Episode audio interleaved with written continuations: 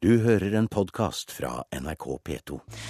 Og rettssaken i Vågå skaper bølger gjennom hele Arbeiderpartiet og dermed inn i Politisk kvarter, Sigrid Solund. Og uroen sprer seg helt til topps og til partileder Jens Stoltenberg.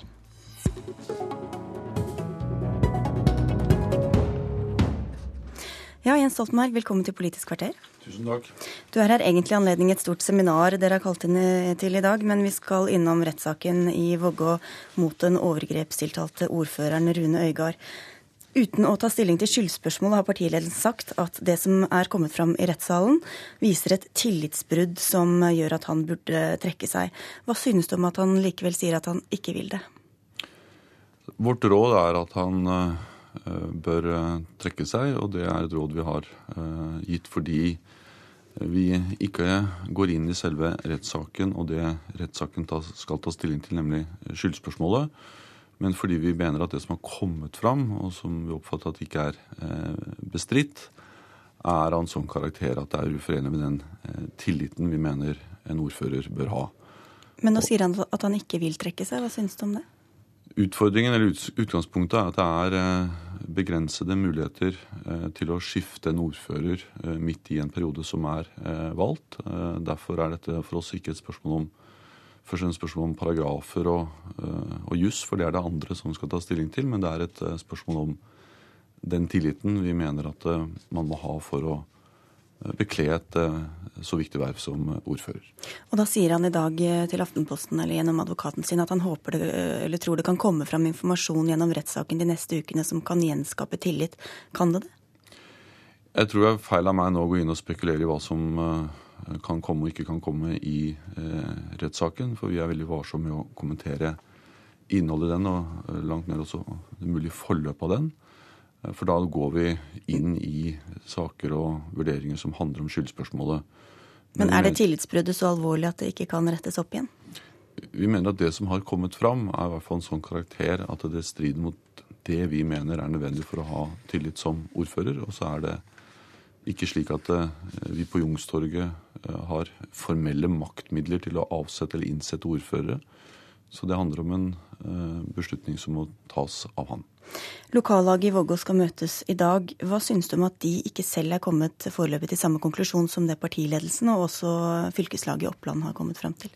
Nå tror jeg vi får avvente det eh, møtet. Og eh, utover det så tror jeg det er viktig at partiet og partisekretær Herman Hansen kommuniserer med lokallaget direkte, og det har han også gjort. Gjennom advokaten sin sier også Øygard at han er skuffet over at partiledelsen offentlig sier at han bør trekke seg, uten å ha informert ham direkte om det. Hvorfor gjorde dere ikke det? Jeg tror ikke jeg skal gå inn i enkeltheter rundt den kommunikasjonen som har vært eh, mellom Raymond Hansen, partiledelsen og eh, Rune Øygard. Bare vise til at vi har et uttrykk for hva som er vårt råd, eh, og har også formidlet det til Vågå Arbeiderparti.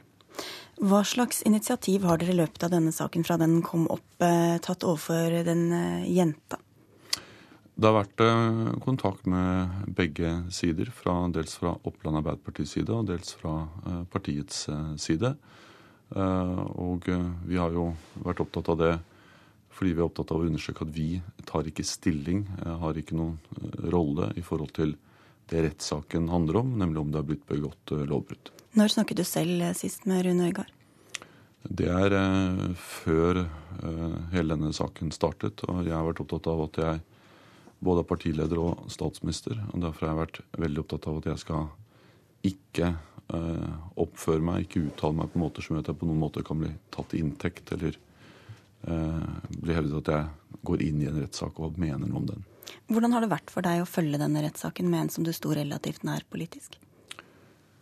Nei, Det er jo uh, selvfølgelig Eh, krevende, som jeg tror det er for absolutt alle som eh, følger den rettssaken. Men utover det har jeg vært veldig varsom med å begynne å eh, gi uttrykk for meninger, følelser, opplevelser. Fordi jeg skal si så lite før det blir tolket som jeg blander meg inn i, i vurderinger av de rettssaken handler om. Og det vil jeg ikke, i respekt for at det er domstolene som skal dømme, ta stilling til skyldspørsmål, at vi andre ikke skal gå inn og kommentere på det hvis det kan brukes eller misbrukes. Og så gjør vi eh, likevel det vi gjorde på fredag, nemlig å gi et uttrykk for eh, ikke skyldspørsmål, men hva vi mener om hvilken tillit som er nødvendig for å sitte som ordfører. Hvor nære var dere da? Han var en god partifelle som eh, jeg har eh, truffet i mange sammenhenger gjennom mange år. Han var jo en ordfører som var veldig markert, og som hadde veldig stor tillit og oppslutning i Vågå kommune, men som også var en, en nasjonal skikkelse ved at han markerte kommunen sin veldig. og gjorde mye for kommunen. og Det er jo også grunnen til at han hadde såpass, så stor tillit eh, i valg etter valg i Vågå. Så til det du kanskje heller vil snakke om. I dag skal du og to andre statsråder ha et seminar med bl.a. toppbyråkrater og lederne for alle de statlige direktoratene. Der skal dere ta opp en del av det som ble påpekt i 22. juli-kommisjonens rapport om eh, eventuell ukultur og mangel på handling og gjennomføringsevne. Og du vil gjøre dette bredere enn til bare å handle om beredskap. Hvorfor er det behov for det? Fordi jeg mener at Det vi har sett etter 22.07, er at det er reist noen spørsmål om gjennomføringsevnen i norsk forvaltning generelt. og Da er det viktig at vi tar opp det og diskuterer det. For vi er helt avhengig av at vi har en god forvaltning som gjennomfører politiske eh, vedtak. Eh, og det vi også eh, har sett av 22.07-kommisjonen, er viktig at å forankrer det på toppen. Dette er topplederne, flere hundre av dem i statsforvaltningen, som kommer.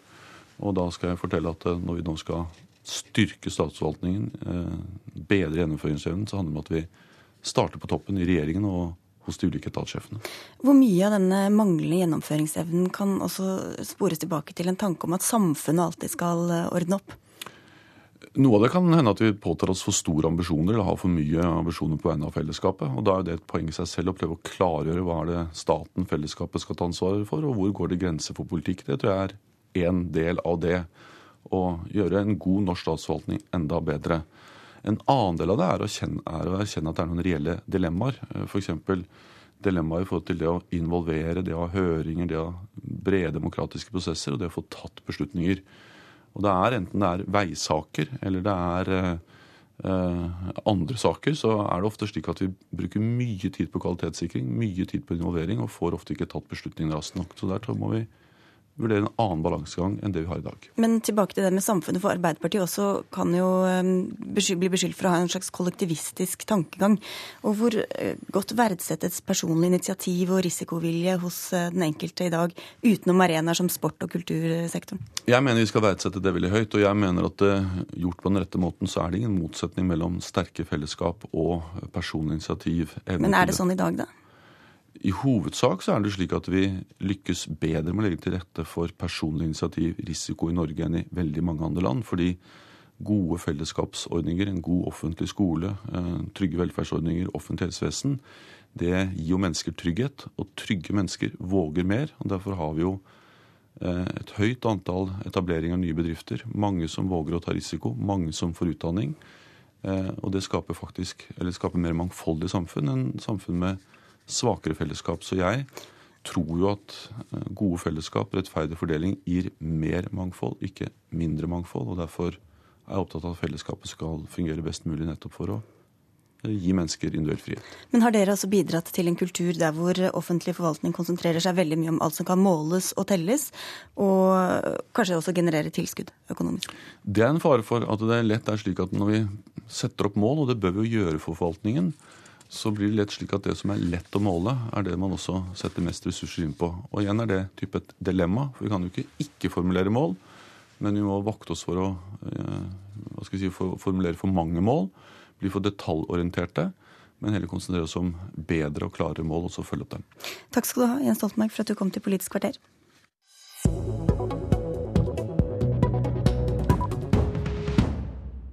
Partiene i kontrollkomiteen på Stortinget er helt uenige om hvor omfattende oppfølgingen av 22. juli-kommisjonens rapport skal være. Senterpartiet vil ut og ha flere befaringer enn de planlagte på Utøya og i regjeringskvartalet. Men det syns du er en dårlig idé, komitémedlem Per Kristian Foss fra Høyre. Hvorfor det? Vi er gitt som oppgave å gjennomgå to redegjørelser. En fra statsminister og en fra justisminister. Er, så vår oppgave er rett og slett å svare på spørsmålet hvorfor sviktet gjennomføringskraften, og hvem hatt ansvaret.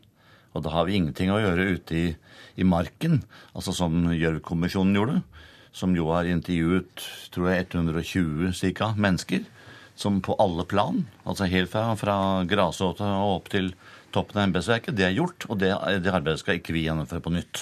Men det vil du, eh, Per Olaf Lundteigen fra Senterpartiet. Hva mener du at dere kan finne ut ved å reise rundt, som dere ikke kan lese dere til i disse rapportene? Altså, Vi skal ikke reise rundt. Det som er saken, er at jeg skal danne meg et godt bilde, sånn at jeg skal kunne påpeke hva som må endres. Da er jeg nødt til å være på åstedet og snakke med de som gjorde jobben.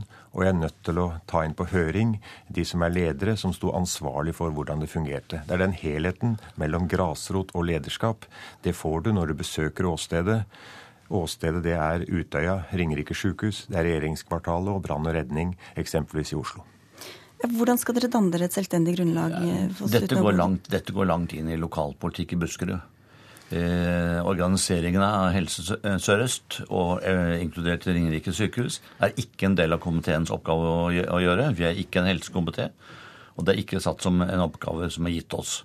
Så det er et helt annet spørsmål eh, som eh, Per Olav Lundteigen får lov til å gjøre hva han vil med i sitt valg, valgdistrikt, men ikke blande komiteen inn i. Mm, driver du valgkamp med dette som bakteppe? Lundteigen? Det her er eh, Per Kristian Foss på det vanlige. Det er usaklig, dessverre. Det er et faktum at uh, Utøya og Ringerike sykehus det henger nøye sammen. Ringerike sykehus gjorde en formidabel jobb. Og det er viktig for meg som første nestleder i kontroll- og konstitusjonskomiteen, å besøke de som gjorde jobben. At Per Foss har en annen vurdering av det, det får stå for hans regning. Og det er helt tilfeldig at det er samme valg, ditt valgdistrikt eh, som du vil ha Ja, det er dessverre tilfeldig at denne tragedien skjedde i Buskerud, og det er mitt valgdistrikt. Hadde det vært i Oppland eller i Nord-Trøndelag, jeg hadde gjort det på akkurat samme måten. Men det saklige er at, eh, at det gjelder saken. Og saken vi har fått oversendt, er to redegjørelser fra to statsråder ikke helseminister, men justis- og statsminister, og vi skal gjennomgå deres forklaringer på bakgrunn av bl.a. 22. juli-kommisjonens meget omfattende og grundige rapport, den såkalte Gjørv-kommisjonen. Per Kristian Foss og jeg representerer to forskjellige politiske kulturer. Jeg prøver å kombinere akademia og praksis. Prøver å kombinere høringer og besøk på åstedet. Per Kristian Foss han trenger bare høringer. Men det får være hans Hvorfor måte det, da, å jobbe på. Det får du spørre Per Kristian Foss om. For meg så er det helt avgjørende at en snakker både med de som gjorde jobben, og de som var ledere, for dermed å danne seg et godt bilde. Må huske på det her var en utrolig kaotisk og fryktelig situasjon, og vi må sette oss inn i omstendighetene for å kunne skrive gode merknader i henhold til det som var de to redegjørelsene, statsministeren og justisministeren. Jeg vil anbefale Per Olav Lundteigen leser Gjørv-kommisjonens rapport. Jeg har lest Gjørv-kommisjonens rapport, og jeg har behov for å være og snakke med menneskene. Per Kristian Foss han snakker bare med lederne. Nei da. Hvis man leser Gjørv-kommisjonens rapport, får man, øh, får man øyeblikksbilder fra alle nivåer. Uh, men vi skal altså gjennomgå statsrådenes ansvar. Og da har det lite å gjøre med hva som skjedde på Ringerike sykehus. Særlig når det også ligger under, under et annet departement. Per Kristian Foss han leser, leser, dokumenter. Jeg både leser dokumenter og snakker med menneskene. Og det er en stor fordel for å danne seg det rette bildet. Vi må forstå den omstendigheten og situasjonen som menneskene står i. Og når Per Christian Foss nå har sånn, sånn aversjon mot å, å, å, oppleve da hva som skjedde på Ringerike sykehus, åssen de takla jobben, og hva som var forutsetningen for å takle det, og høres støm vurdering av det, så syns jeg det er ganske trist. For Ringerike sykehus har fått mye skryt, og i, både i rapporten til statsminister og Gjørv-kommisjonen så blir det påpekt at helsevesenet det var det som fungerer best. Kanskje vi kan lære noe positivt av det, Per Foss? Men det er tydelig her at Lundteigen har en helt annen dagsorden. Han er engasjert i helsestrukturen i Buskerud og i eh, Helse Sør-Øst.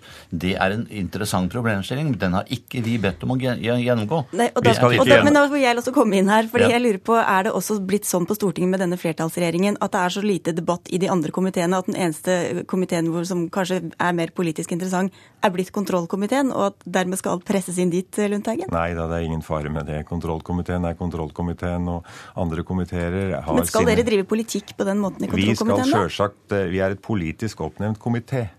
Kontrollkomiteen er like politisk som alle andre komiteer. Vi skal behandle de saker som blir framlagt, og vi skal nå kunne påpeke her hva er det som gikk feil. Og for å kunne påpeke hva som gikk feil, så er det min eh, praksis at da snakker vi med de som sto i felten, og de som var lederne. Dessverre så er Per Kristian Foss av en annen mening, og det er bare noe jeg må registrere.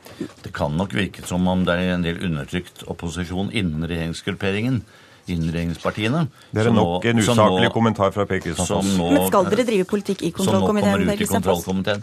Ja, vi skal drive kontroll, men vi skal drive kontroll på den, den, det området vi har fått tildelt, og ikke på hva som helst annet. Det er helt usaklig. Topp stemning i kontrollkomiteen om dagen, altså. Det ser ut som at det er vanskelig også å greie å håndtere en sånn vanskelig sak som vi nå har, på en slik måte at vi kan danne oss, etter min vurdering, det dekkende bildet av det. Det er avgjørende viktig at vi innkaller på høring eh, statsråder og ledere innenfor politi og helse og brann og redning og forskjellig, men vi må også snakke med de menneskene som sto i den vanskelige, vanskelige situasjonen det var å ta stilling i et kritiske situasjoner. Og da vil vi tilbake til utgangspunktet. Takk skal dere ha, Per Kristian Foss fra Høyre og Per Olaf Lundteigen fra Senterpartiet. Mitt navn er Sigrid Solund. Politisk kvarter er slutt. Du har hørt en podkast fra NRK P2.